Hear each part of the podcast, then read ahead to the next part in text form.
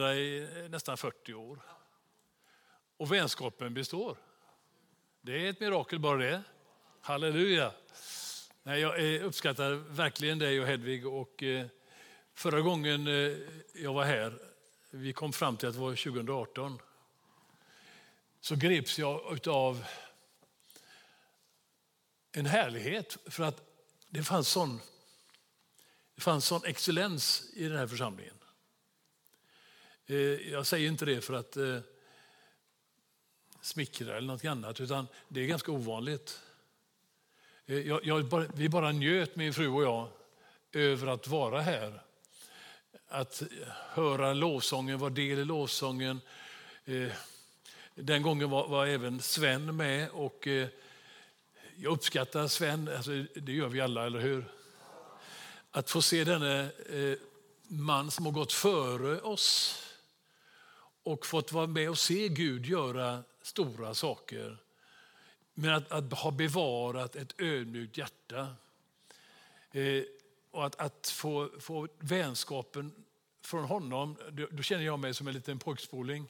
Eh, men men alltså, det, det, finns så mycket som ni har i den här församlingen. Och, och ni har missionärer och ni, ni, har, eh, ni har mycket. Det här var så härligt att se dopet. Eh, vi, vi pratade om detta, vi, båda var vi eh, i Pensacola-väckelsen, där hade de ju dopgraven uppe på väggen. Det var, eh, och ni hämtar inspiration därifrån. Jag tyckte detta var jättevackert. Och framförallt så var det ju fantastiskt med Sonny. Halleluja. Det finns så mycket elände i den här världen. Det finns så mycket mörker. Jag bara slog mig ett bibelord från, från andra Korinthierbrevet.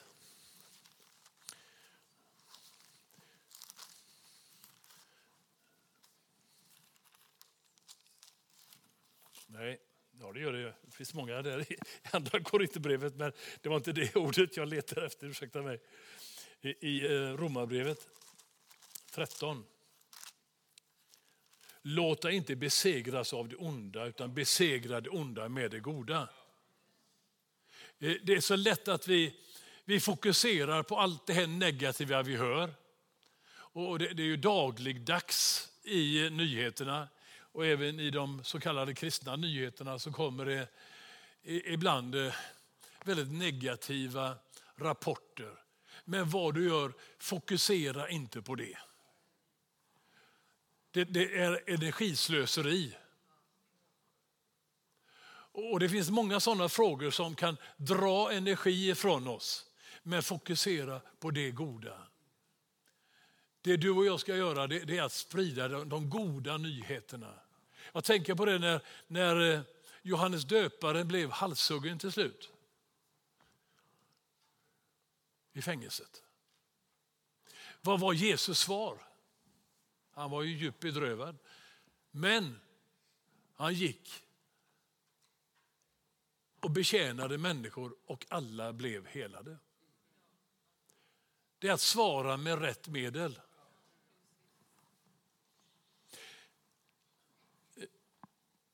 Jag har hunnit bli ja, snart 73.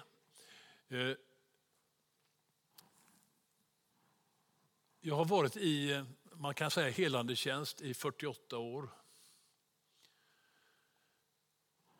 Det innebär inte att, att jag kan allt. När jag var ungefär 30 då hade jag svar på alla livets frågor. Och jag var väldigt snabb att ge svaren. Men som sagt, nu när jag är snart är 73 så vet jag en sak och det är att jag inte vet allt. Men jag vet att Gud är god. Definitivt har jag inte alla svar.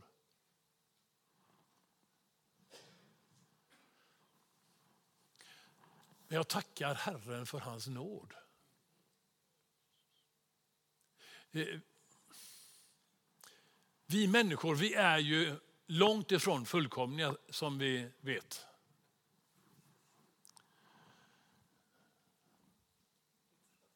det var en som kände det.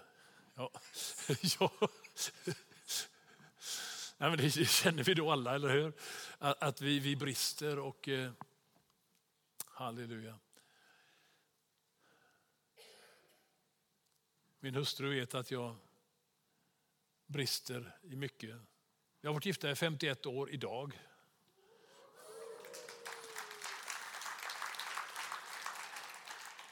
Och vi älskar varandra fortfarande.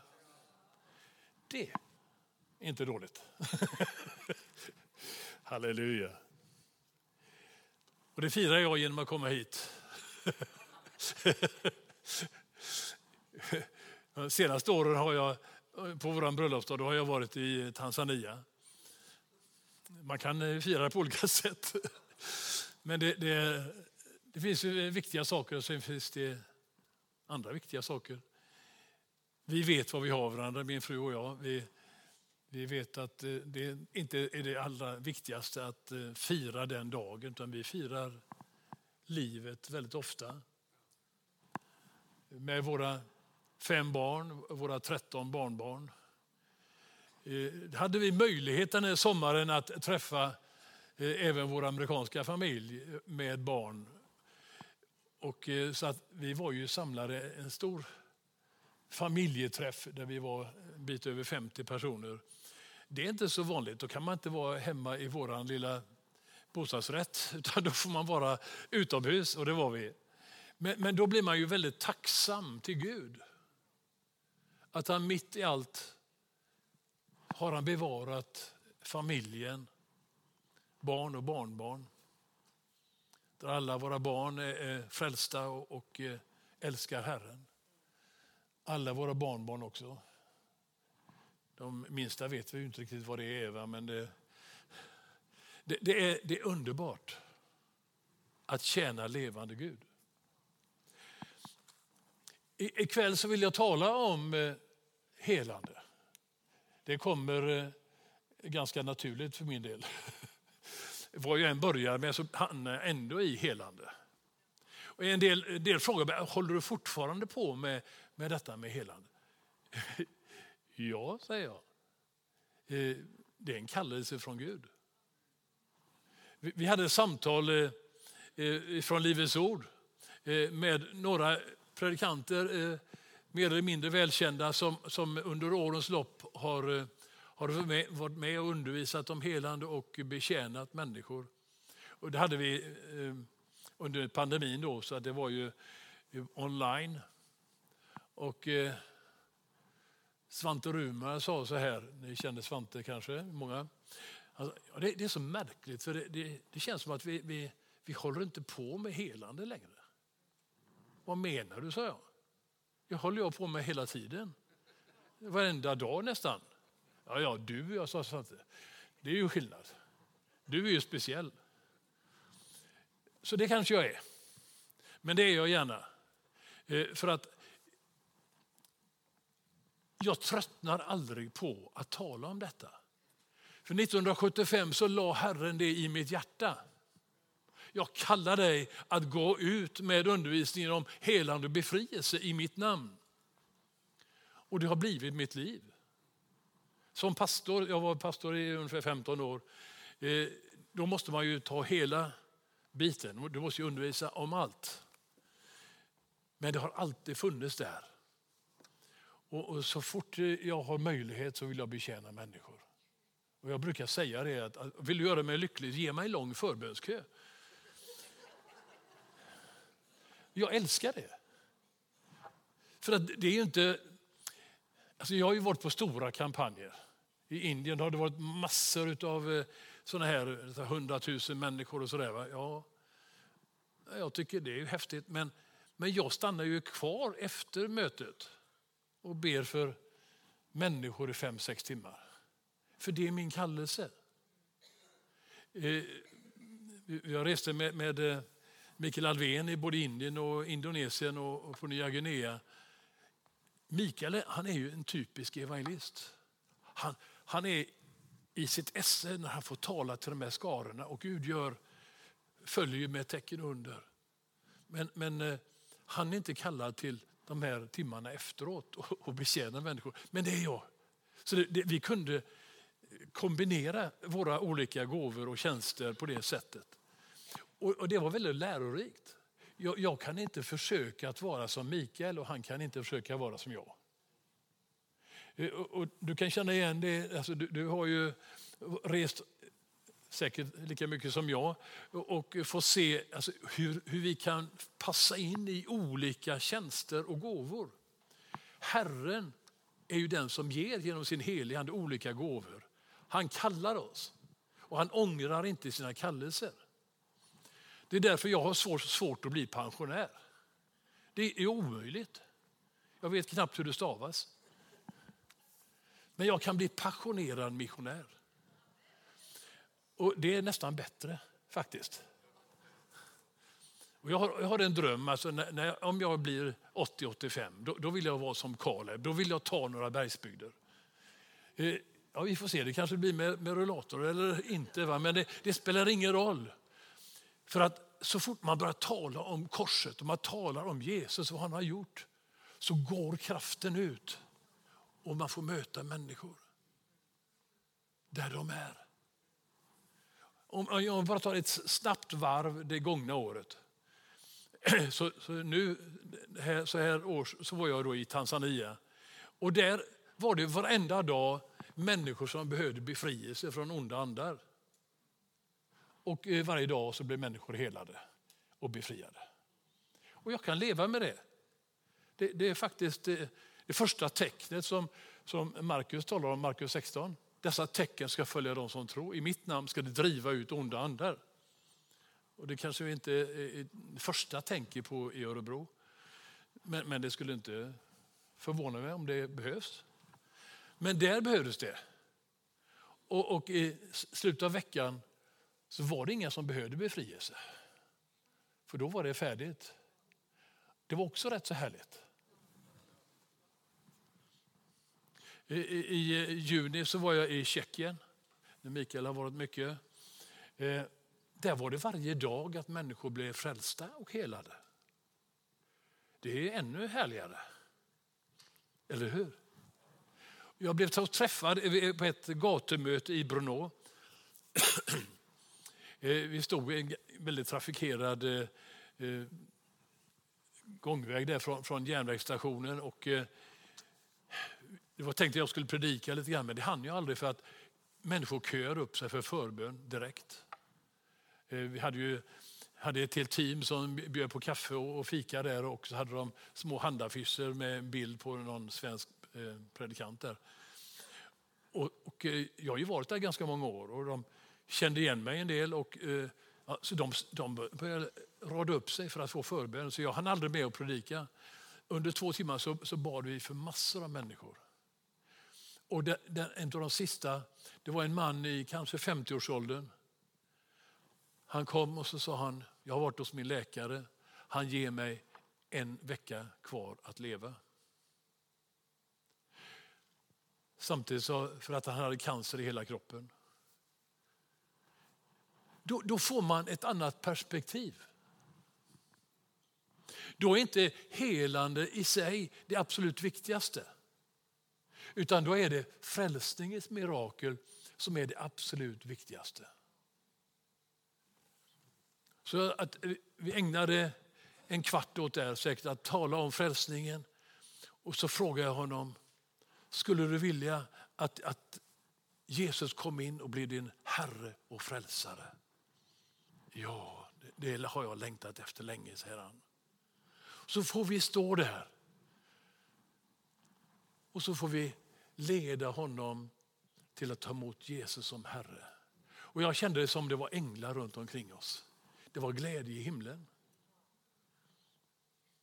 Sen bad vi naturligtvis för hans kropp också, men han gick gråtande men lycklig ifrån den förbönen. Och Jag var så tacksam till Gud för det där momentet. För att ibland kan, kan jag tappa eh, perspektivet för att jag är så fokuserad på helande. Men frälsningen är det absolut viktigaste.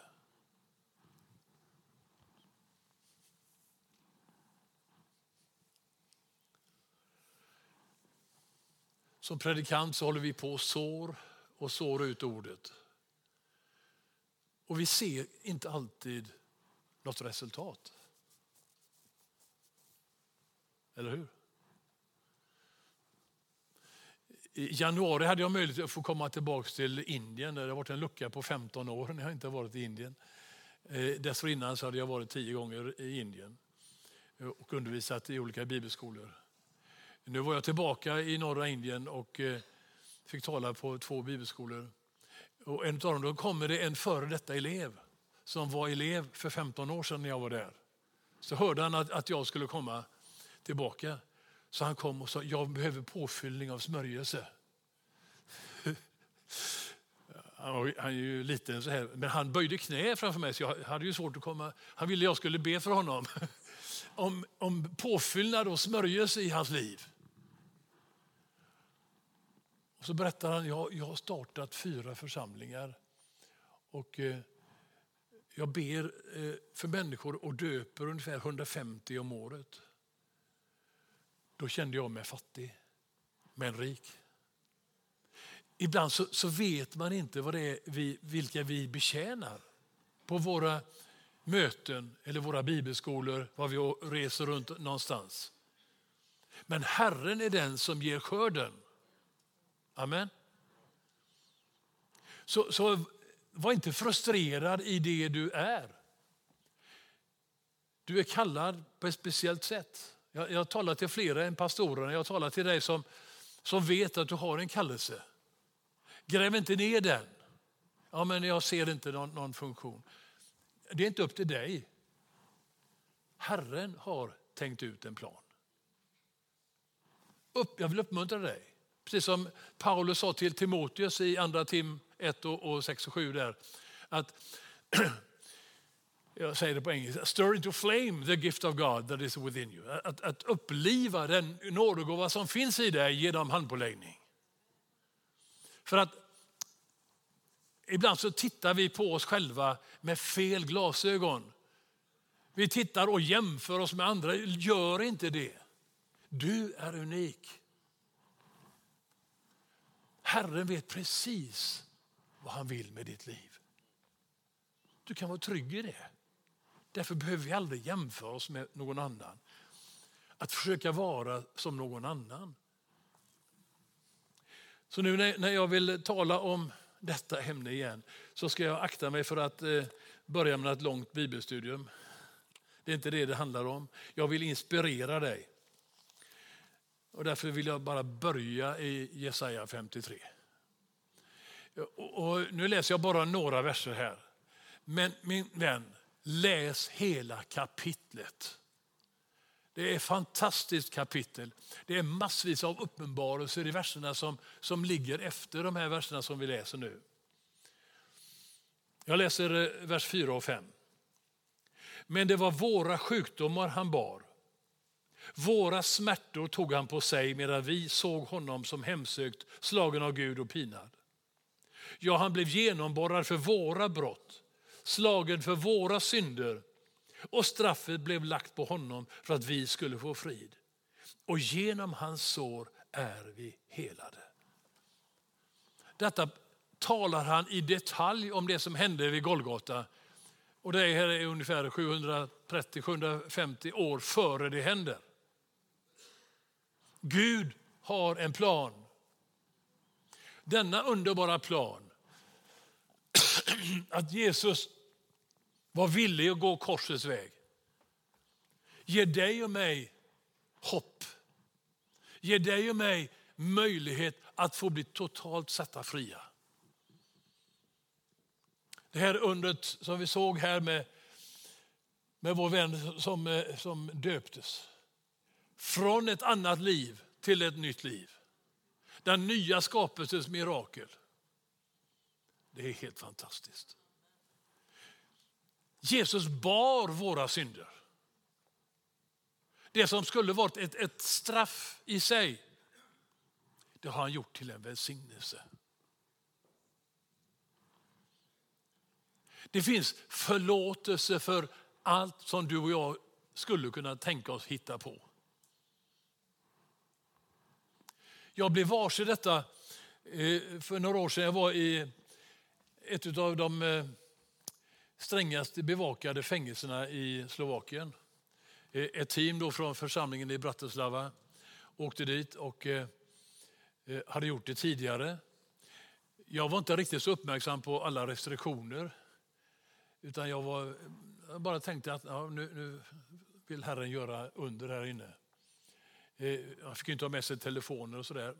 Men jag hade med mig min iPad. Jag kan ju ringa på den också, men det, det sa jag inte. Men, eh, för jag ville visa några bilder på helande. Men det, det hade jag inte fått ta med mig om jag hade lyssnat på de här restriktionerna. Sen så fick jag ju inte gå över en viss linje. Jag fick inte eh, röra vid dem. Och sen missade jag totalt att jag bara fick tala i 20 minuter. Jag är inte bra på det, att tala i 20 minuter. Utan, eh, så när jag började visa den första bilden så vakten han, han eh, var snabb och eh, rörde vid, lite grann vid, vid knappen, som var en larmknapp. Så hans chef där eh, ute då, han, vad är, det, vad är det som har hänt? Ska vi komma in? Och stoppa alltihop. Och han hade, alltså, hon som ledde den här eh, evangelisationen, hon, hon satt bredvid den här vakten. Så hon kände liksom, oj hjälp vad har, vad Pej ställt till nu. Ja. Eh, men det var liksom en sekund hade han att avgöra. Nej, det var fel, sa han. Så han lät nåd gå före rätt. För jag stod ju där framför honom och visade bilder på helande. Så han förstod att det var inget, eh, inget illvilligt. Men Gud sa till mig, de här människorna, vi kanske var 85-90 kriminella och så var vårt team på fem personer. Herren sa till mig, Per, du har fel inställning till de här människorna. Du tror att du är bättre än dem. Ja, fick jag erkänna. Det trodde jag. Och då sa Herren till mig, Per, har du syndat? Ja, Herre, det vet du. Ja. Och då sa Herren, synd är synd.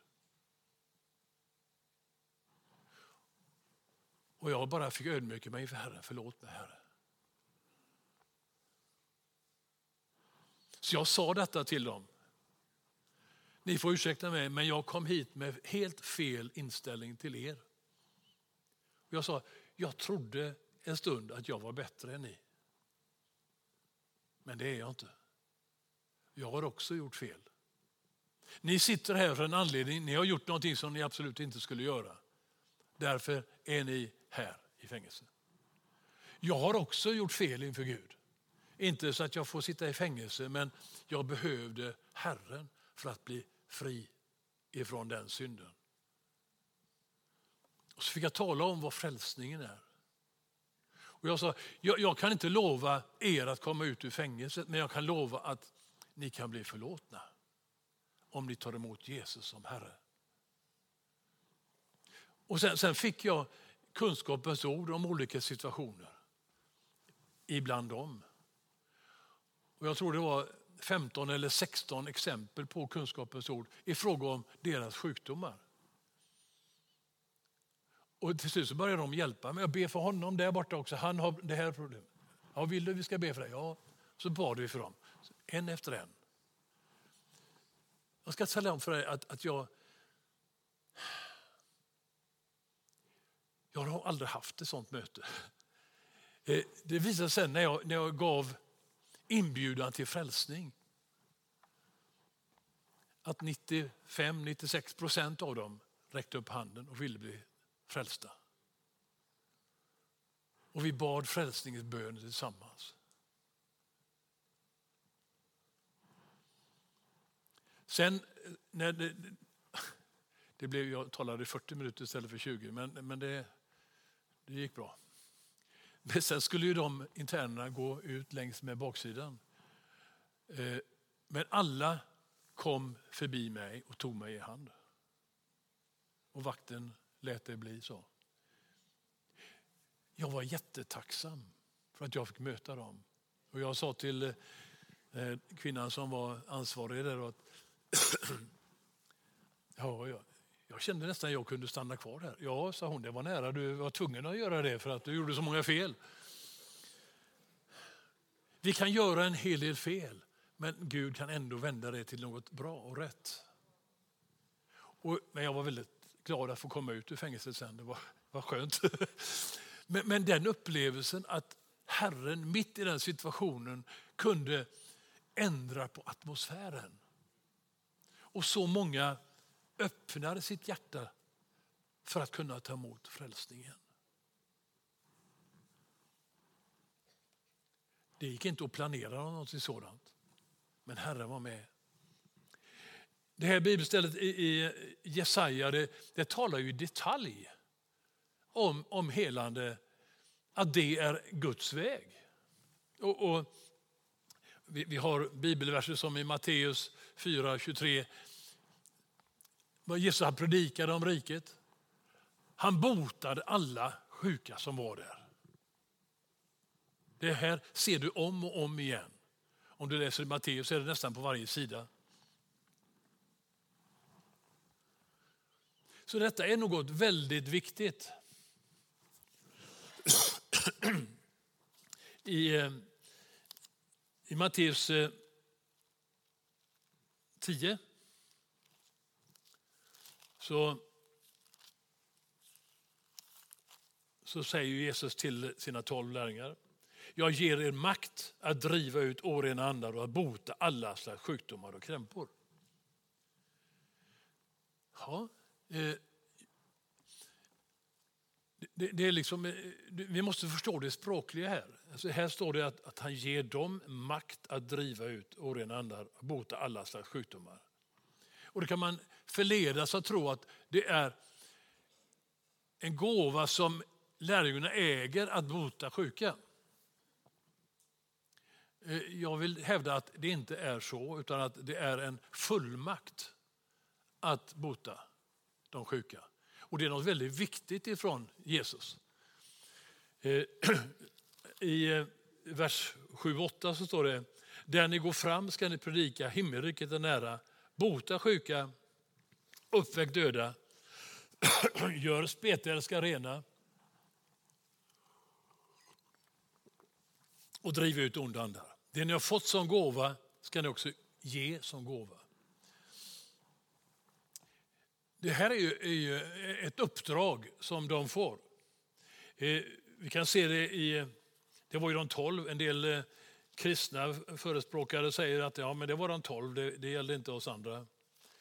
Vi kan bara ta en snabbis här i Lukas. Vi kan ta Lukas 9 de första två verserna. Jesus kallade till sig de tolv och gav dem makt igen över eh, alla onda andar och kraft att bota sjukdomar. Han sände dem ut för att förkunna Guds rike och att bota sjuka. Så detta är något väldigt viktigt. Eh, de grekiska orden här eh, för att bota sjukdomar det är exosia, kraft att bota. Det, det är ett annat, en annan översättning på, på detta, det är en fullmakt. Alltså jag kan få rent juridiskt en fullmakt att använda ett stort företags eh, konto. Jag kan få en sån fullmakt. Plötsligt så finns det ju oanade möjligheter då. Men det är den juridiska fullmakten. Eh, nu handlar detta inte om någon, någon juridisk i mänskligt perspektiv, men i andligt perspektiv. Så ger han oss lärjungar en andlig fullmakt. Inte på ett papper, men direkt ifrån Jesus själv. Fullmakt att i mitt namn bota sjuka. Det innebär inte att vi äger denna fullmakt. Men att den helige Ande i och genom oss kan få förmedla helande. I, I Matteus 10 så är det inte de 12 utan då är det de 70 eller 72 beroende på vilken bibelöversättning vi läser. Där Jesus sänder dem eh, två och två till varje stad dit han planerar själv att komma. Och han ger dem arbetsbeskrivningen. Stanna i det hus ni kommer till och ät och drick vad ni blir serverade flytta inte från hus till hus. När ni kommer till en stad där man tar emot er, så ät det som sätts framåt er, bota de sjuka i staden och säg till folket Guds rike är nära. Så det, det är förhållningsorderna. Ät det man serverar er, bota de sjuka, driv ut de onda andarna. Ja. Och, om man eh, gör ett jätteskutt till idag. Vad gör vi kristna? Ja, vi predikar. Och så predikar vi. Och det, det är bra. Men, men den här biten, vi lever inte riktigt så. Finns inga behov för det idag? Jo. Sen, sen kan man ju konstatera att det, det är, sker oftare när, när, när man är i andra länder. Det har du säkert sett också. I Sverige har vi eh, en fantastisk sjukvård. Men även den håller på att vacklar. Alla kan inte få vård för att det inte finns sjuksköterskor tillräckligt. Ja, det finns mycket i det systemet som, som eh, idag fallerar. Men fortfarande så har vi en väldigt bra sjukvård. Och Det gör att när vi drabbas av sjukdom så lutar vi oss åt sjukvården. Det är inget fel i det. Vi behöver läkare. Men jag tror fortfarande att det finns en, en, en princip. Sök först Guds rike och hans rättfärdighet. Så ska allt detta andra tillfalla er. Att först gå till Herren. Det tror jag är en bra regel, även när vi drabbas av sjukdom.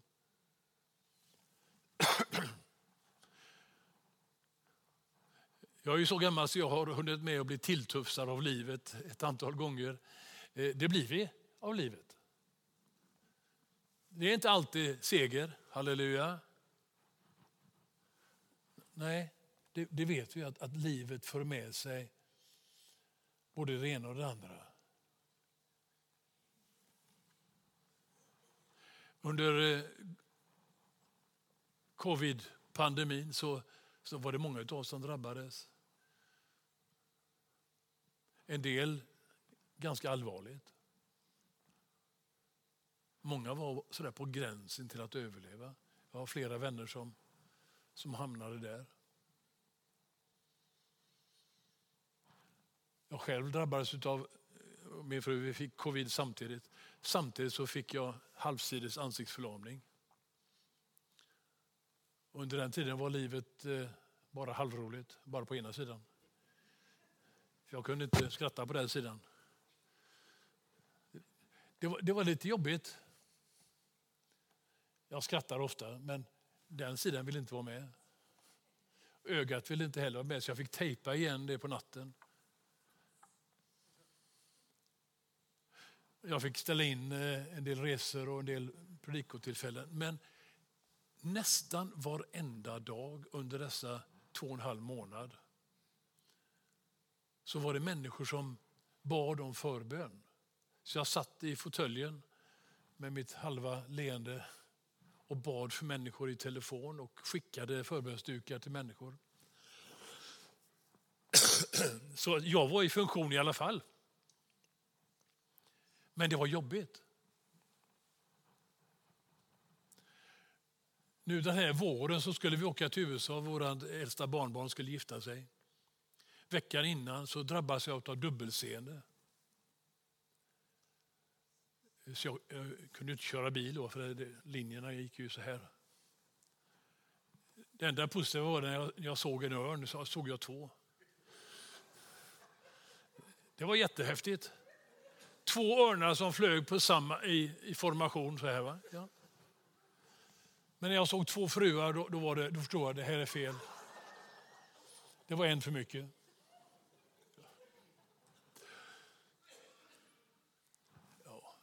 Jag fick en akuttid i Borås eh, på lasarettet där med dem. Så, ja, ja, vi, vi har inget vi kan hjälpa dig med, du, du får en annan tid här. Så jag fick en tid när vi skulle komma hem. Så vi åkte till USA och eh, när man kommer till Los Angeles eh, flygplatsen där plötsligt så är det åtta filer på vägen. Alltså, om jag skulle kört där så hade det hade blivit kaos. Åtta filer där alla vägarna möts igen. Så såg jag det. Men det var min dotter som fick köra så att det gick bra. Men det var jobbigt, alltså jag fick ju blunda på ena ögat och det, det var, det var bökigt. Och så skulle vi få se Jesus Revolution-filmen. Och, och, Det var väldigt speciellt för, för min del. För 1979 var jag i Los Angeles och eh, fick träffa denna pastor. Eh, och, och eh, det, det, var ju väldigt speciellt. Han, han talade till vår svenska grupp och berättade lite grann från, för några år tidigare då, i väckelsen. Och, eh, så att, att jag såg på den här filmen med många känslor. Så jag, jag satt och grät under, under filmen. Jag hittade en vinkel så jag, jag kunde se eh, utan att det var dubbelt.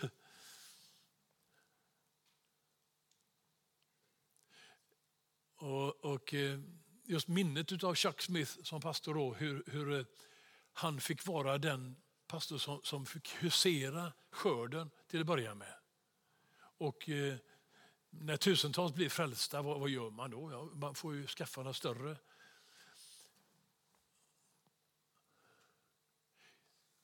Jag grät under den här filmen. Det blev väldigt starkt för min del. Har ni många sett den? Ja, de flesta faktiskt. Ja, härligt. När vi kom ut från biografen och satte oss i bilen så märker jag att jag blivit helad. Halleluja.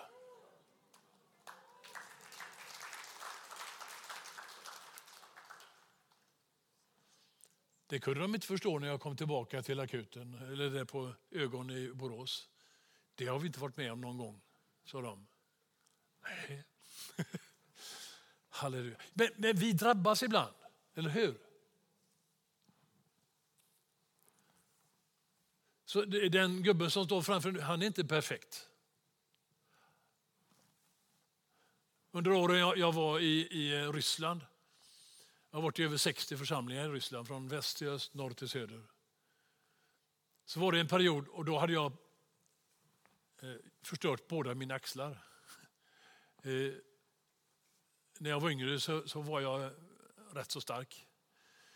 Jag var, tror det eller ej, men jag var ganska duktig idrottsman. Eh, men jag, jag förstörde, drog av en muskel i den axeln.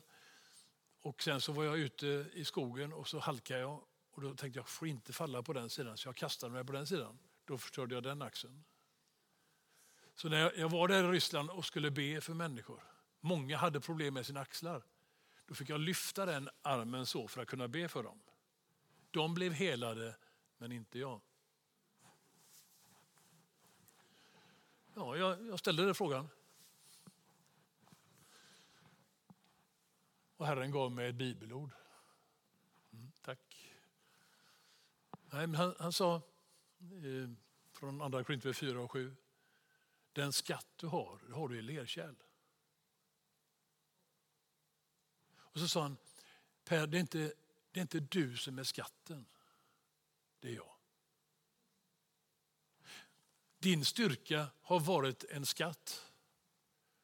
Det var ju så, jag, jag kunde lyfta vad som helst. Så om någon ville flytta på ett piano så kallade de på mig. Då Och då flyttade vi på det pianot eller kylskåpet eller vad det nu var. Nu kunde jag inte göra det. Men så sa Herren, ditt kärl är ett lerkärl.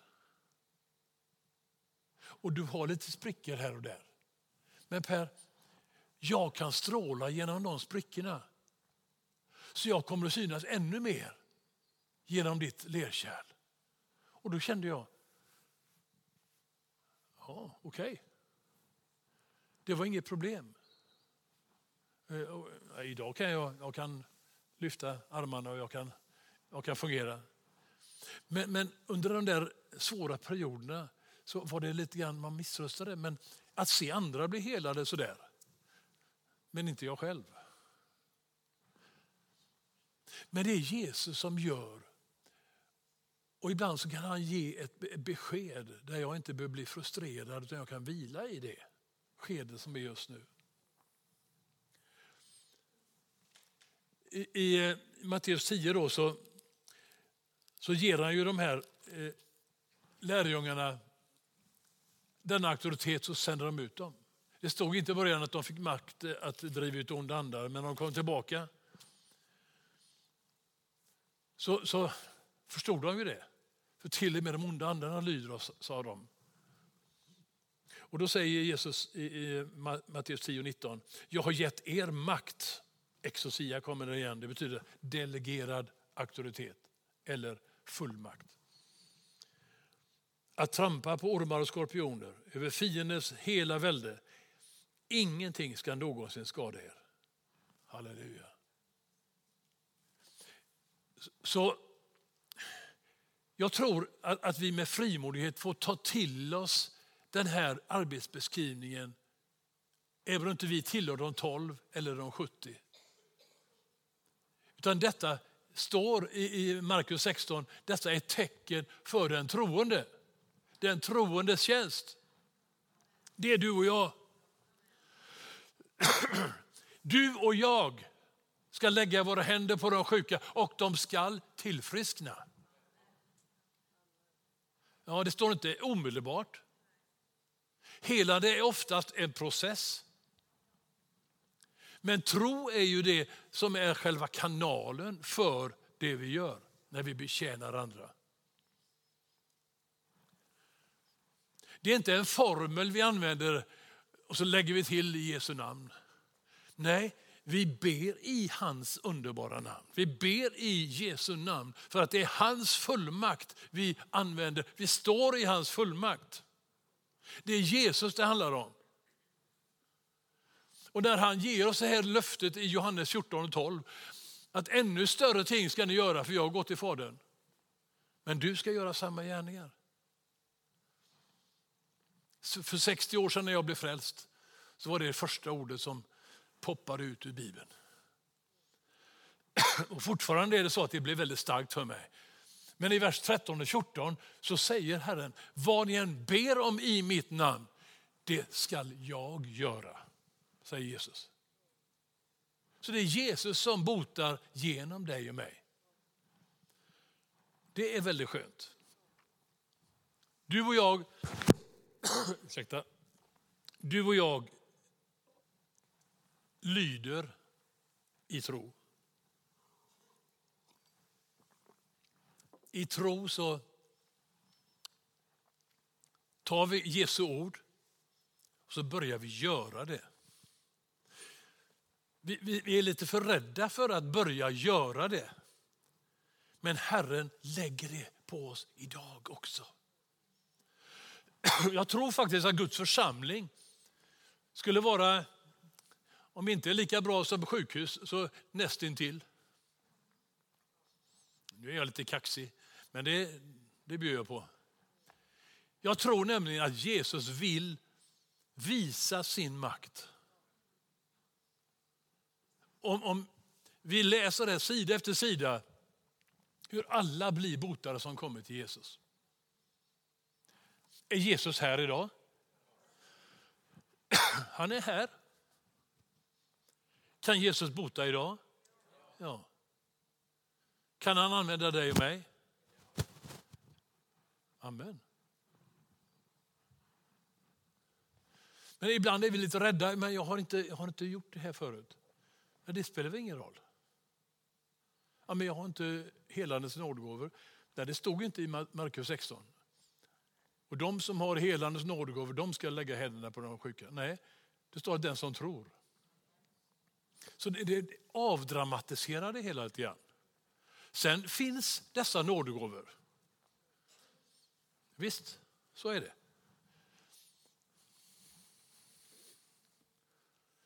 Men han ger oss fullmakt att bota idag.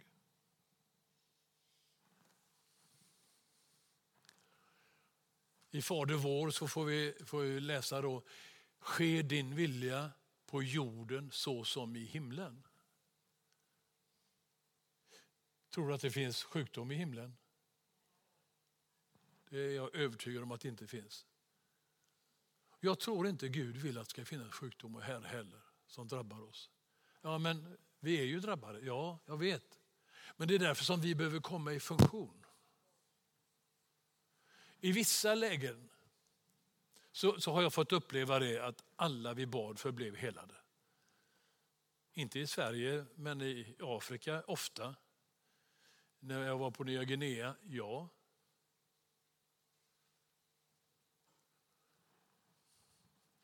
Men det är ingenting som jag kan råda över. Utan den helige Ande leder oss in i situationer. Jag, jag, jag, jag kan säga frimodigt utan att överdriva att jag har fått se tusentals bli helade. I 48 år har jag hållit på att be för människor. Vissa år kanske jag ber för åtminstone 10 000. Så när jag säger tusentals så menar jag tusentals. Men jag äger inte gåvan. Jag, jag går inte omkring i fullt med smörjelse hela tiden. Men om den helige Ande får fylla på och fylla på och jag kan gå så kan den helige Ande använda oss var som helst. Även i Sverige. Halleluja.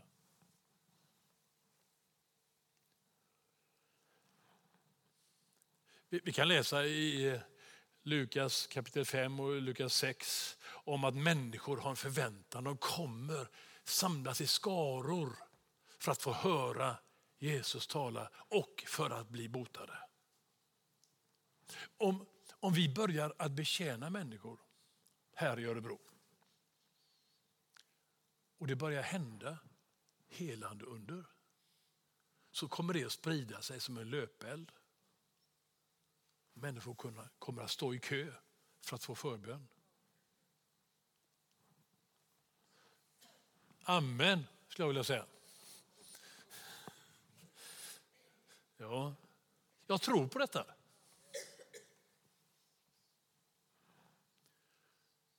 Så den troendes tjänst, ja. Eh, Jakob 5 säger att om någon ibland är sjuk bör man kalla till sig församlingens ledarskap. De ska smörja med olja och, och be trons bön. Och om, om den eh, här sjuka personen har böter och synder ska det bli honom förlåtna. Och så står det, bekänn alltså era synder för varandra så att ni kan bli botade. Det här, det här med att bekänna synder, alltså det, det är rättfärdighetsgörelsen om, av bara nåd. Det, det sätter oss fria till ande, kropp och själ.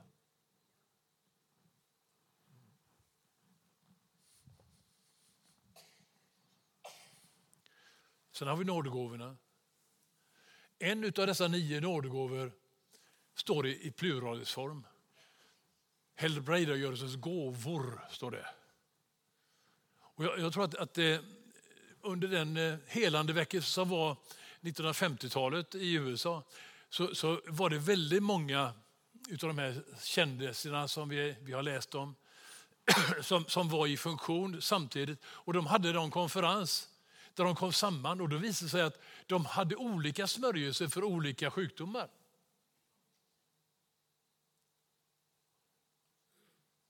Det kan hända att det är därför det står i pluralisform. Jag vet inte. Det är bara en tanke. När jag började för 48 år sedan att, att be för sjuka så var det väldigt sällan som någon med eh, cancer eller hjärtproblem blev helad. Första året var det tre cancersjuka som jag kallades till på Sahlgrenska i Göteborg. Alla tre dog.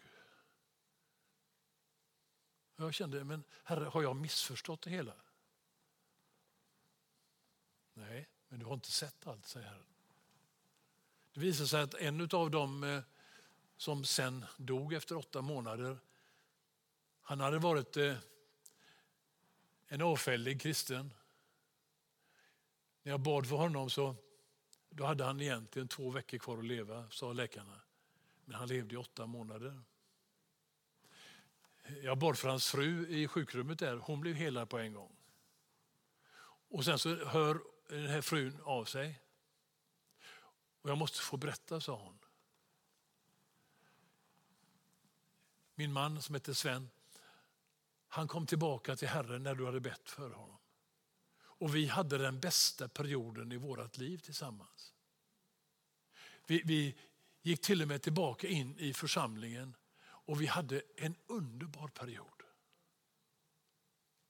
Sen efter åtta månader, så en natt, så, så dog han bara.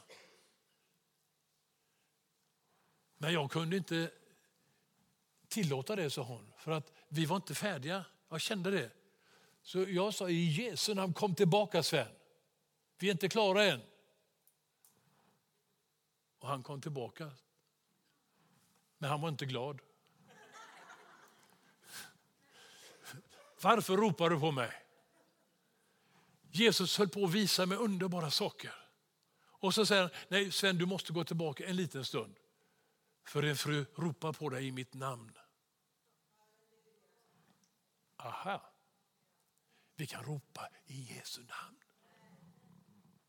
Vi ska uppväcka döda, sa Jesus. Ja, mm. det, jag har inte gjort så mycket. Men det finns där. Det var en nigeriansk eh, pastor, Benson Idahosa. Jag tror det var 13 eller 14 som han fick uppväcka från de döda. Han själv blev inte så gammal. Men han gjorde ett avtryck i den andliga världen. Herren begär inte att vi, vi ska vara fullkomliga i allt, för det är vi ju inte. Det, det står visserligen i Bibeln, var fullkomliga som Fadern är fullkomlig. Det klarar vi inte. En, en gång kommer vi att bli fullkomliga. När vi kommer hem till Herren. Då rättas frågetecknen ut till utropstecken. Men nådgåvorna är viktiga. Det står ju också då i, i första Korinthierbrevet 12, sista versen 31. Var ivriga att undfå nådgåvorna.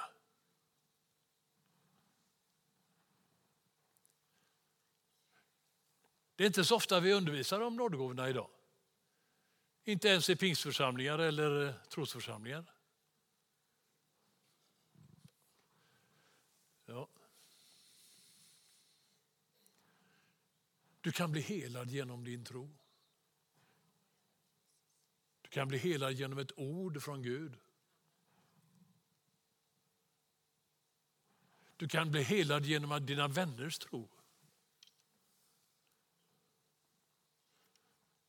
Markus 2 har ett sånt exempel, vers 1-11. Hur de fyra vännerna tar med sig den lame mannen till ett möte. Och mötesvärden säger att det är fullt tyvärr. Hade de varit svenskar så hade de åkt hem. Men de var vilda judar. Så de gick upp på taket och började demontera takpannorna och göra ett hål där. Eh, jag är ingenjör och har jobbat som arkitekt i många år. Så jag tänker hur det är. Mm. Så det, det enda jag kan se det är att, att eh, det var takpannor, det står det i Lukas. Och eh, då var det ju sekundärbalkar och så primärbalkar. Då. Så de måste ju öppna upp där så att man kan sänka ner den här båren. Och då måste de gå och hämta fyra rep. Det har du aldrig tänkt på. Men, men ingenjör, då tänker man så. Man vill ha en förståelse. Så att tron gav en konsekvens av en handling. De jobbade för det här. Har du tänkt på vad, vad Petrus tänkte då? Här håller de på att demontera taket i svärmors hus. Det största huset i Kapernaum. Tror du han sa, ja vad fint. Nej, det har du aldrig tänkt på heller, hur han reagerar där. Han var ju ganska häftig av sig.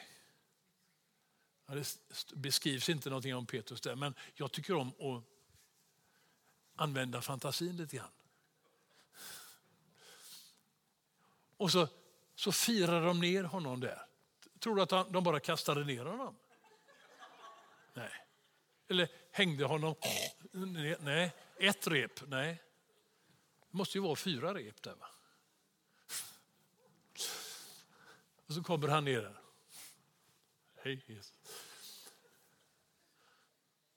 När Jesus såg deras tro, för de stoppar ju ner huvudet där också och tittar då. När Jesus såg deras tro så säger han till den sjuke, dina synder är dig förlåtna.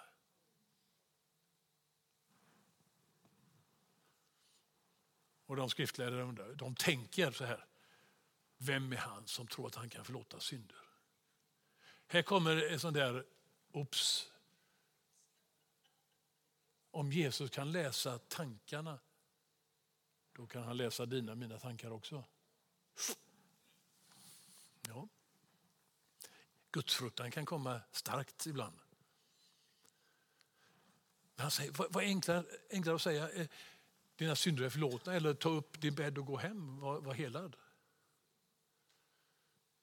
Det kan du fundera på vad är som är enklare att säga. Det är, ju, det är ju enklare att säga dina synder är förlåtna för det kräver ingen konsekvens i det vi ser.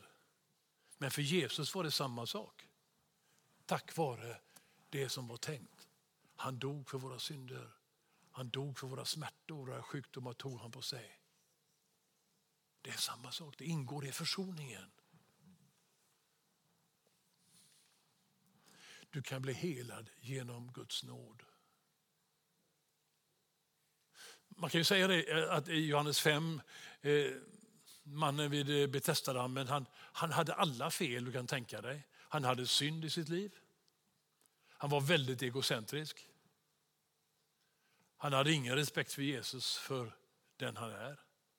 Ändå han har varit sjuk i 38 år.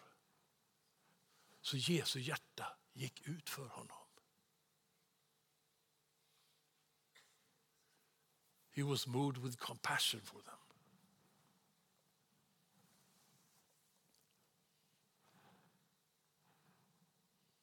Sen har jag massvis av punkter du kan bli helad genom befrielse, genom bönedukar, nattvarden, lovsång och tillbedjan, en kontakt. Ibland blir vi helade på en väldigt, ja, nästan lite roligt sätt. Det berättade jag en gång här förut tror jag, genom att jag kramade en pastor. Jag kom bakifrån och kramade honom. Jag såg inte att han hade brutit axeln. Det var ju ett sånt där moment när man, Jesus tar mig härifrån nu. Det var på Livets ord. Det var, var skamligt. Pastor från, från Madrid, Henry Svensson.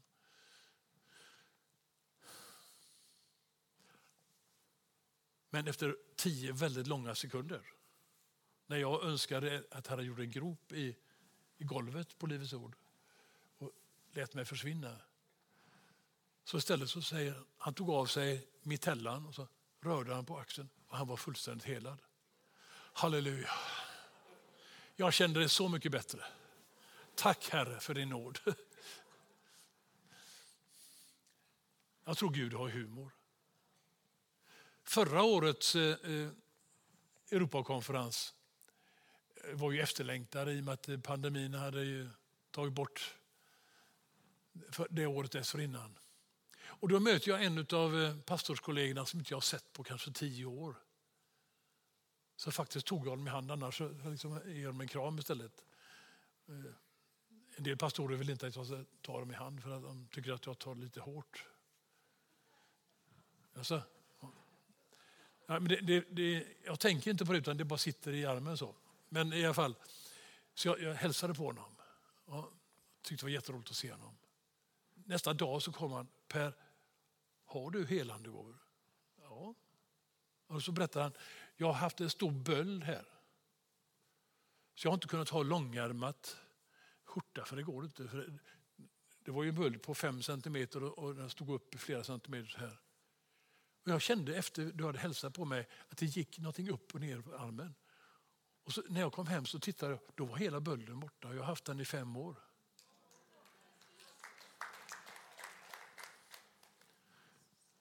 Och då sa min fru, kan jag säga för hon är ju inte här nu. Ja, ja, du tryckte väl det på som vanligt att du klämde till. Men det gjorde jag inte. Ibland så kommer det bara av ett vidrörande. Gud gör vad han vill. Och Jag tror faktiskt att det var samma möte som när jag, jag kramade pastor Henry från Madrid. Så, så var det en, en, eh, rysk pastor från eh, Taganrog. Eh, nästan i min storlek. Så jag, jag, jag kramade om honom så här. Då. Alexander heter han. Och han, han tjöt också. Inte riktigt som Henry, men, men denne store kraftige pastor, varför skulle han tjuta för en kram? Nej, men då hade han haft ryggskott i flera månader. Och jag, förlåt Alexander, sa jag. Och sen efter mötet kom han. Vad är det med dina kramar Per? Jag är fullständigt helad.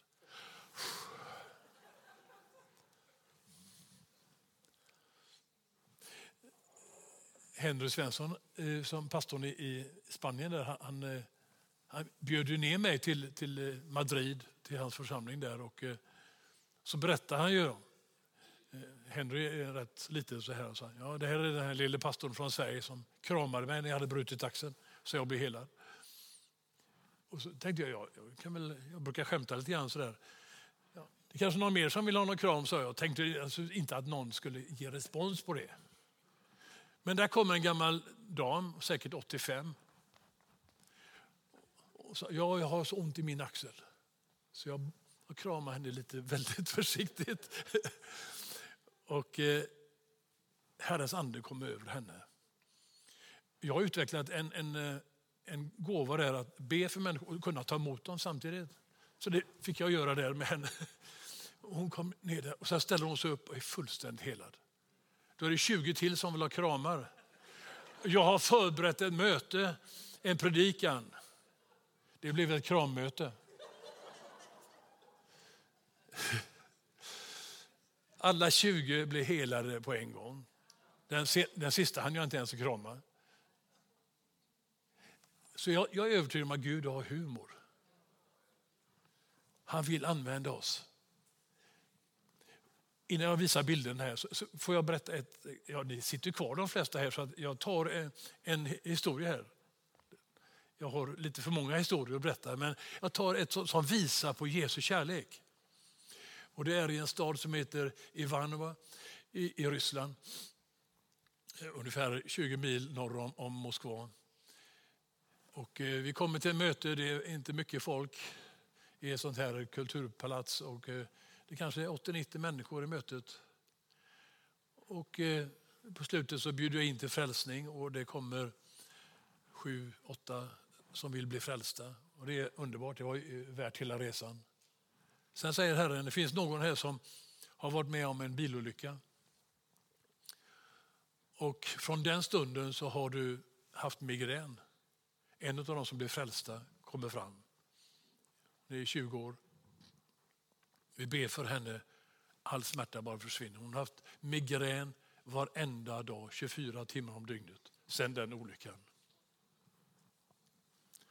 Och så säger Herren, det finns någon som, som eh, också en olycka eh, och du har, du har haft flera operationer, du har, har skador inom invärtes och eh, Herren vill göra ytterligare helande.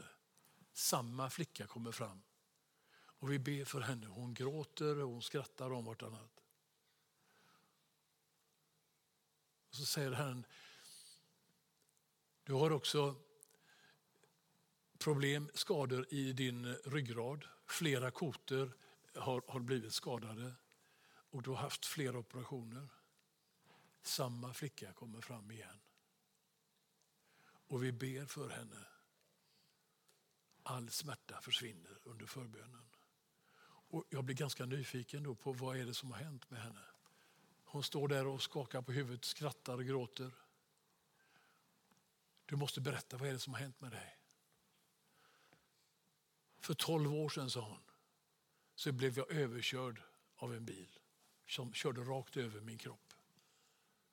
Från den stunden har alla de här sakerna plågat mig. Idag på morgonen så kände jag, idag ska jag gå på ett kristet möte. Jag har aldrig varit i en kyrka. Så jag började diskutera med mig själv. Varför ska jag gå på ett möte från någon predikant? Men det fanns någonting där som jag kände, jo men okej, okay, var ska jag gå då? Och så kom jag på, där nere i entrén på det här hyreshuset så fanns det någon sån handaffisch. Så hon går ner och där är en bild på någon svensk predikant. Så står det Jesus frälser, helar och befriar. Jaha. Är det det här jag ska gå på? Var är det någonstans? Då var det två kvarter från hennes lägenhet. Okej, okay. varför inte då? Tänkte hon. Som kommer på det här mötet så tar hon emot Jesus till frälsning. Och så läker Herren alla dessa detaljer. Herren visste precis hennes situation. Han drog henne till detta möte. Det var definitivt inte för den här predikantens skull. Men Herren använde till och med en svensk predikant.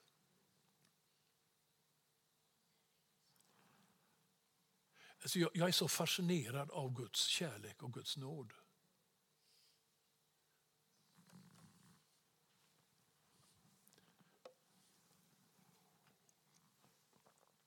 Nu behöver du vakna till lite grann. Ska vi ta lite bilder? Här är norra eh, Slovakien, Žilina. En av eh, församlingens eh, medlemmar hade skickat ut tusen sms till människor han kände. Så när jag kom ner till torget så började de direkt flocka sig kring mig för de hade sett bilder på mig.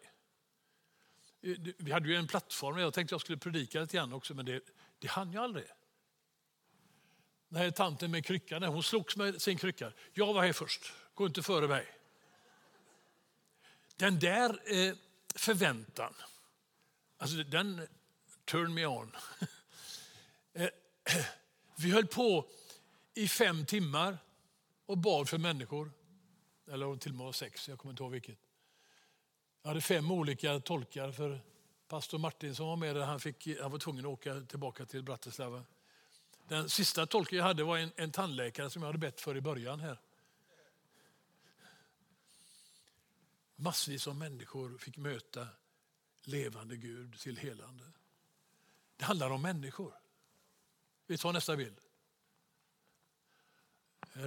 Människor i Afrika. Om du bjuder in till helande så kan det bli så där. Va? Jag tänkte ju inte på att det var mitt. Solen stod och mitt upp. Jag kunde skydda det här lilla jag hade kvar här. Men eh, det tänkte jag inte på. Men det var härligt att få betjäna dem. Men genast så försvinner ju tid och rum. Men det handlar om människor min vän. Människor har behov. Nästa. Nu är vi i Alaska plötsligt. Den här damen eh, hörde ett kunskapens ord som vi sa. Att här finns någon som har arytmi i hjärtat. Och du har haft det ett bra tag men Herren vill bota dig. Och hon kom fram för förbön. Det här är dagen efter. Hon är fullständigt helad. Vi tar nästa. Nu är vi tillbaka i Afrika. En hopplös situation. Den här pojken, 14-15, han hade diabetes. Du ser ju den fina kåken bakom där. Tror du att han skulle kunna ha eh, en maskin som eh, eh, rensar hans njurar där eller? Det finns ingen el. Så läkaren hade gett upp med honom. Hans lillebror släpade honom fyra kilometer till missionscentret på en cykel. Så han såg ju helt döende ut, pojken. Och mitt, jag hade en paus i, i bibelskolan. Gotte, känner du? Alltså, vi, får, vi får be för den här killen. Jag kan inte säga att jag kände en enorm smörjelse. Men vi bad i tro. Vi bröt dödens makt över honom. Och bröt diabetes. Sen släpade lillebror hem honom några fyra kilometer på cykeln igen.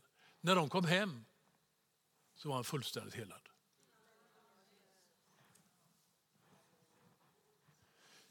Vår, vår tanke är ju omöjligt. Men för Gud är ingenting omöjligt. Vi tar nästa bild. Nu är vi i eh, Brno. Den här lille pojken, han hade säkert 40 graders feber, lunginflammation. Då kan man ju tycka så här, som svensk. Hur oförståndig kan man bli? Ta med sin jättesjuke bebis till kyrkan. Jag säger inte att jag tänkte så, utan jag betjänade ju pojken. Efter ungefär tio minuter, febern är borta, ingen hosta, han är fullständigt helad. Då kan man ju säga, vilken förståndig mamma som tog med sin sjuke bebis till kyrkan. Olika perspektiv. Men om vi räknar med Gud så kanske det är så. Vi tar nästa. Ja, just det. Den här flickan hon kom gråtande för att hon hade så fruktansvärt ont. Det var en svår huvudvärk. Och så ber vi för henne. Och hon gråter ännu mer.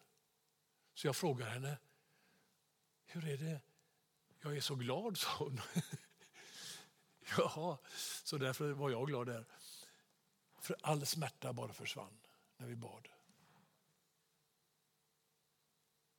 Det är underbart att se hur Gud rör vid människor. Nästa. Förbönsdukar.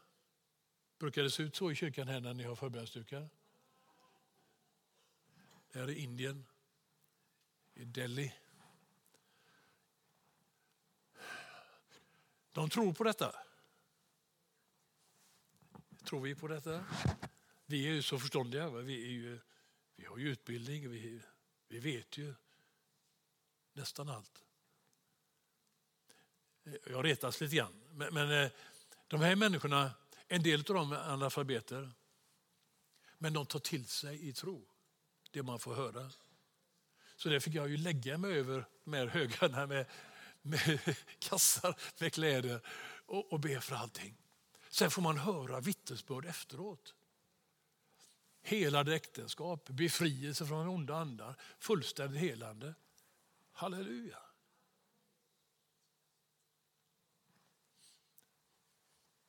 Idag är det svårt att få tag på tygnäsdukar. Jag har fått köpa på internet. Så jag har en bunt hemma. Så när folk ber att få en förbönsduk då tar jag en förbönsduk och så ber jag för den, smörjer med olja och så skickar jag det till den här personen. Jag vet att Gud använder det. Vi tar nästa. Det är i östra eh, Slovakien. Eh, den här mannen har fått förbön. Det här är året efter. Eh, han, han hade fått en operationstid för sitt hjärta som var så svagt. Så han skulle in på operation, men vi bad för honom innan. Nu när jag kom tillbaka nästa år så berättade han ju då att när han kom in till sjukhuset och de undersökte honom så men du behöver ingen operation. Ditt hjärta är perfekt. Det är bra. Det sparar ju resurser för sjukvården också. Jättebra. Vi tar nästa. Under pandemin så, så hade jag möten online i, i eh, Blansko i, i Tjeckien. Så då satt jag i vardagsrummet och hade möte. Och pastorn satt i sitt vardagsrum och tog emot. och så var de uppkopplade på pastors eh, dator där. Och sen när vi kom till förbönen så, så skriver någon till pastorn där namn och så säger de det här vill jag att vi ska be för. Jag tror vi bad för 40 personer på det sättet så det blev lite omständigt men, men det gick. Sen eh, på slutet så, så ber jag generella böner och, och då, då säger Herren att det finns någon som har arytmi just i hjärtat och eh, därför lägg din hand på ditt hjärta så ska vi be nu. Ingen aning om det fanns någon, men Herren sa det. En vecka senare kommer den här kvinnan, Martina, till pastorn talar om det, var mig Per talade om. Och jag har ju lidit av detta i, i fem år. Men nu har jag kollat och jag har kollat. Jag har ingen arytmi längre. Halleluja. Så att Gud kan använda oss även om det är långt avstånd. Gud har ingen begränsning. Vi tar nästa. Ursäkta att det är lite suddigt, det är inte jag som har tagit kortet. Den här flickan till höger här, när hon var 16 år, när hon klev av skolbussen i Kalifornien, så är det en rattfyllig som kör på henne. Och eh, hon blir liggande på asfalten i Kalifornien när det är ungefär 40 grader varmt. Det innebär att asfalten är kanske 75. Och eh, hon bröt, bröt sönder i halskotpelarna så att hon är förlamad härifrån hela vägen ner. Hon kan inte röra sig. Hon ligger där på den heta asfalten och blir brännskadad dessutom innan hon fick hjälp. När olyckan hände så var hon inte kristen. När jag möter henne så är hon eh, 20 år. Den blonda flickan där kommer med henne till mötet vi hade i Kalifornien. I, då en, i rullstol och vi ber för henne. Då har hon blivit frälst. Vi märker ingen förbättring efter förbön, men jag sa att nu har vi bett i tro. Och du kan ta emot i tro. Ja, jag förstår, sa hon. Jag fortsätter att tacka Gud. Ungefär fem, sex månader senare så kommer hon överraskande gående fullständigt frisk till sin kompis som höll på att dö när hon såg honom. fullständigt helad. Omöjligt, säger läkarna. Men Herren har en annan agenda. Vi tar nästa. Där, eh, också ifrån Slovakien. Eh, min tolk där, det här 2016, då var jag i Kanada bland indianerna där uppe. Och eh, då så får jag ett meddelande på, på Messenger. Kan du be för mig? Jag kände henne inte vid namn. Men vi, vi har fått ett litet barn. Men jag har plötsligt blivit reumatisk. Jag kan inte ens bära min bebis. Kan du be för mig? Så jag ber för henne och så skriver jag en bön och skickar till henne på Messenger. Du kan använda en mobil faktiskt till något gott. Ibland så är Facebook, det kan bli Facebook. Om, det, om vi använder den rätt. När jag kommer då två månader senare till Slovakien så kommer jag till den här platsen. Och då säger hon, du känner mig. Eh, eh, namn glömmer jag väldigt lätt, men inte utseende. Jag är ganska säker på att jag aldrig har träffat dig, sa jag. Nej, det stämmer nog, sa hon. Men när du var i Kanada så skrev jag till dig. Och du bad för mig och skickade en bön till mig. När jag läste din bön så blev jag helad. Ja. Vem är vi att, att tro att det ska vara så här, en, två, tre? Nej. Alltså, som ingen, min ingenjörshjärna har fått ge sig av. Alltså, det är väldigt ofta som Gud gör på ett annat sätt än vad min ingenjörshjärna tror. Men det är bättre att han... Jag, alltså han kan, jag kan inte tillföra honom några tips. Gud, om du bara kunde göra så här. Nej, han behöver inte min hjälp. Han är mycket bättre på vår Gud än vad jag kan tänka. Vi tar nästa. Tillbaka till Kalifornien. Dagen innan har jag bett för hennes bror som missade mötena vi hade i kyrkan, men han hörde talas om det och ville ha hjälp. Han hade jätteont i ryggen och haft det i flera år. Han blev ögonblicket botad på ett café. Vi kan be för människor på café. Du kan be för människor här ute i kafeterian. Det gör du kanske. Bra. Fortsätt med det. Där, där är det lättare för människor att slappna av på ett annat sätt.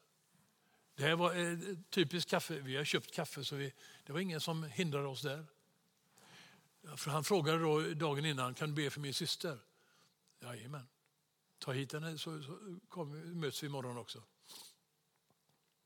Eh, då var det så här att hon hade blivit avfällig för hon hade blivit bitter på Gud. Hon hade eh, från födseln en skada i sin höft och sitt ben så att det skilde fem centimeter i längd. Och för en, en flicka i 20-årsåldern så är det tufft. Det kan vara tufft för en man också men på ett speciellt sätt för en tjej. Här ber jag först för hennes själ. Jag ber att hon ska få komma tillbaka till Herren. Och så fick vi bryta bitterhet och besvikelse. hon börjar gråta. Så frågar jag, får jag be för din höft och ditt ben? Ja. Och så får hon sitta längst bak då i i stolen och så fem centimeter ganska mycket. Då säger jag, nu tittar du på dina fötter. Ja, ja, jag vet ju det, sa hon. Ja, men jag kommer inte att dra, jag ska bara be. Och så ber jag, Herre, justera hennes höft och låt det här benet växa ut. Och, och Vad gjorde du? Jag gjorde ingenting, sa jag. Det var Jesus som rörde vid dig. Hon störtgråter av glädje. Hon kommer tillbaka till Herren och är upprättad på ett kafé. Så säger en del att kaffe inte är bra. Nej, men det, man, kan, man kan lida lite grann med en god eh, kaffelatte och så kan man be för människor. Det gillar jag. Ja, vi tar nästa. Eh, här är näst sista bilden. Här, huvudpersonen är inte jag och inte mamman utan det är lille pojken där. Eh, detta är i västra Ukraina, Ivano-Frankivsk. Och jag har bett för den här pojken ungefär ett halvår tidigare. Eh, han var född med en njure och den njuren växte så mycket så att pojken kunde inte gå rak. Så han, han gick ju så här. Han kunde inte springa. En pojke måste kunna springa. Eller hur grabbar? Visst måste ni kunna springa? Ja. Halleluja. Så, så, läkarna kunde inte göra någonting. Men så ber vi, Herre, nu kallar vi på en njure till. Den finns inte, men du har det, Herre. Du är fortfarande skaparen. Så i Jesu namn njure, kom. Och vi märker ju ingenting då. Men tre månader senare, en morgon, då kommer pojken springande till mamma. Mamma, jag kan springa. Och han står rakt upp. Mamman blir jättechockad. Tar honom till läkaren som har gått, de har gått till alla år. Oj, säger läkaren, vad har hänt här? Ja, kan du skanna eh, över hans njure? Ja, det gjorde han. Men det är ju fullt normal storlek. Kan du kolla på andra sidan? Ja, men det finns inget, säger läkaren. Nej, men kan du göra det för min skull? Ja, visst. Så, så han skannar. Va? Där är en njure till. Mm. Halleluja.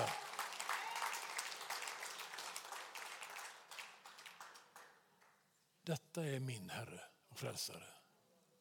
Han är fortfarande skaparen. Nu har jag bara en liten videosnutt här till. Three centimeters. Je tam asi rozdiel 3 cm. Pozeraj sa na to. Look, look the whole time. Pozeraj na to.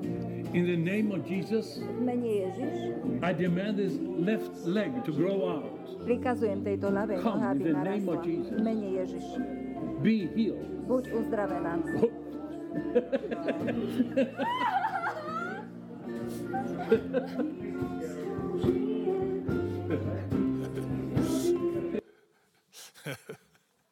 Halleluja. Just i den församlingen i Banska Bysse, där är Åke Karlsson just nu. Och den här flickan var en zigenarflicka. Eh, det har kommit så många zigenare till Herren nu. Och starka människor. Eh, eh, hela den folkgruppen är ju så att ja, de är mycket känslosvallar, upp och ner. Va? Men det har kommit några ungdomar, 18-20 år, som har blivit stabila, riktiga ledarämnen. Och när jag kom dit till den församlingen nu i augusti, då kom det en av ungdomarna och bara hoppade i famnen på mig. Åh, vad jag har längtat efter att du skulle komma. Det känns rätt gott med en 73-årig gubbe. att någon i den här åldersgruppen längtar efter att jag skulle komma. Halleluja. Det är underbart att tjäna levande Gud och att betjäna människor. Halleluja. I, i Matteus 17, nu, jag ska inte börja predika, men jag måste, jag måste ta detta också. Eh, I Matteus 17 så har vi ett exempel. Jesus har gett delegation, fullmakt till sina lärjungar. Men sen tar han med sig Jakob, Johannes och Petrus upp på berget och får möta Mose och Elia. Och Petrus vill bygga hyddor, ni vet hela den historien. Fast där nere i byn, där är inte himmelriket så starkt närvarande. Där kommer en pappa med en son som är eh, bunden av demoniska krafter och kastar honom, vill kasta honom i vatten, i, i elden. Och det är mycket skrik och väsen. Så mycket så att det blir väldigt tumult. Människor kommer springande. Dessa lärjungar har fått delegation från Jesus att bota sjukdomar, att sätta människor fria. Men de kunde inte. Så kommer Jesus och de andra tre ner och Jesus sätter honom fri. Halleluja. Och efteråt så, så frågar de varför. Varför kunde inte vi göra det? Eh, jag, är inte, jag kan inte grekiska, men jag kan läsa i grekiska böcker ändå med eh, översättningar. Och då måste jag ju säga att även denna älskade bok som jag håller i min hand här har ju missats totalt med översättningen. Och de frågar Jesus varför kunde inte vi dra ut honom? Då står det så här i, i den här bibeln. Därför att ni har så lite tro. Jag säger sanningen, om ni har tro bara som ett senapskorn, det är litet. Har ni sett ett senapskorn? Det hade jag i Bibeln ett tag, men det försvann. Jag såg dem inte var med. Så ska ni säga till det här berget, flytta det dit bort. Och det kommer att flytta sig. Ingenting kommer att vara omöjligt för er. Vad är det jag säger? Är detta fel översättning? Ja, men alltså det grekiska ordet. Det är ju apistian. Hur det sen böjdes där, det vet jag inte, men apistian. Det är otro. Liten tro som det står här. Det är oligopistian.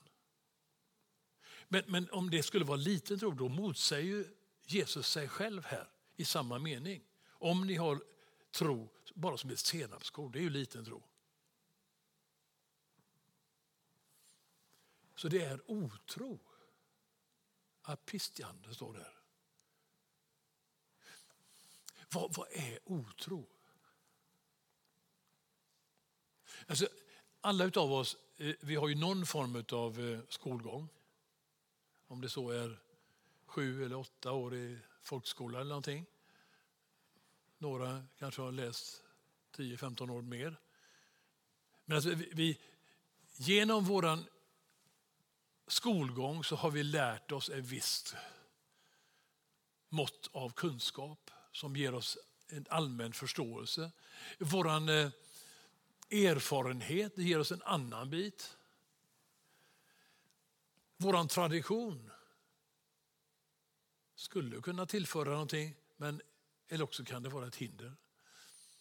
Jag lägger inte ut det mer. Men, men vi är formade på, på ett sätt. Så, så, när vi kommer i en situation här så kan vi ju tänka oss så här, ja men eh, här är det migrän. Här. Ja, men det, det, ja, det, det tror jag verkligen att Jesus kan bota. Och det, det, det klarar vi. Men här, här var då situationer som de inte klarade lärjungarna. För att här var det en demonbesatt människa som skrek och kastade och det var väldigt mycket krafter. Jag tror faktiskt att det hände att lärjungarna, dessa smorda som har fått en fullmakt ifrån Herren, blev rädda. Om du och jag blev rädda, då har vi förlorat. Just det slaget har vi förlorat då.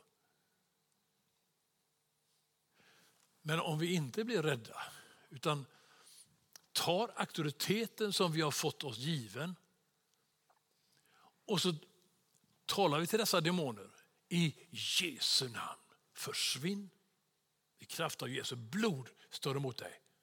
Ni måste gå. Där får de skrika hur de vill.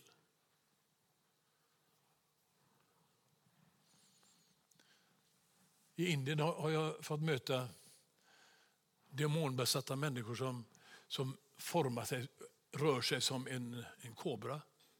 Låter som en kobra. Ögonen är vertikala eh, som en kobra. Oftast är det bra att vara lite större än andra. Sen finns det trånga passager som är lite svårare, men det är en annan sak. Eh, vi behöver inte bli rädda. Det kan ju vara lite äckligt eh, med en sån där demonbesatt människa. Men när man får se Jesus bryta igenom och rensa en hel familj som det var i det fallet. Där, där barnen, alla tre barnen var drabbade av sjukdom men när vi kastade ut demonerna så blev de fria. Mamman var eh, häxa i en hinduisk eh, hudutempel. tempel så hon, hon, hon eh, talar talade ut förbannelser över människor som inte gjorde som prästerna ville. Det är en verklighet idag. Men Jesus satte det fri och hela familjen blev fri. Halleluja. Vi behöver inte vara rädda. Jag tror jag berättade förra gången att när jag var på Nya Guinea hur de kom med, med eh, maskingevär och sa till, eh, det var fem militärer, de bar in sin officer. Han kunde inte gå, han skakade, någonting tryckte på hans ögon. Så det var hopplöst. De hade vaktat eh, den här stora kampanjplatsen. Och så pekade de på mig med k-pistarna och så sa de Heal him. Jaha. Vad, vad gör man då? Ja, då måste vi bota honom. Ehm, jaha. Alltså, jag kan inte bota honom, men Jesus kan. De var ju livrädda för mig också. De var ju, var ju så här korta. Och då behöver man inte stå så här och, och be för dem. Då kan man böja sig ner. Så man inte liksom kommer från oben. Så jag ska bara lägga min hand på ditt ben. Ja. Och så ber vi. Mindre än en minut så stannar skakningarna. Ögonen poppar in i hans huvud igen. Och han ställer sig upp och är fullständigt helad.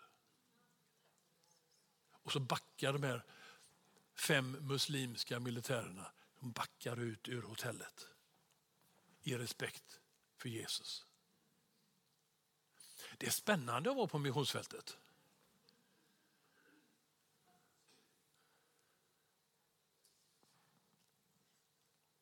Halleluja. Visst är det spännande med mission, Mikael? Halleluja. Mina vänner, nu- ska vi ägna resten åt att betjäna dig. Vad du än har för problem så ska vi be för dig.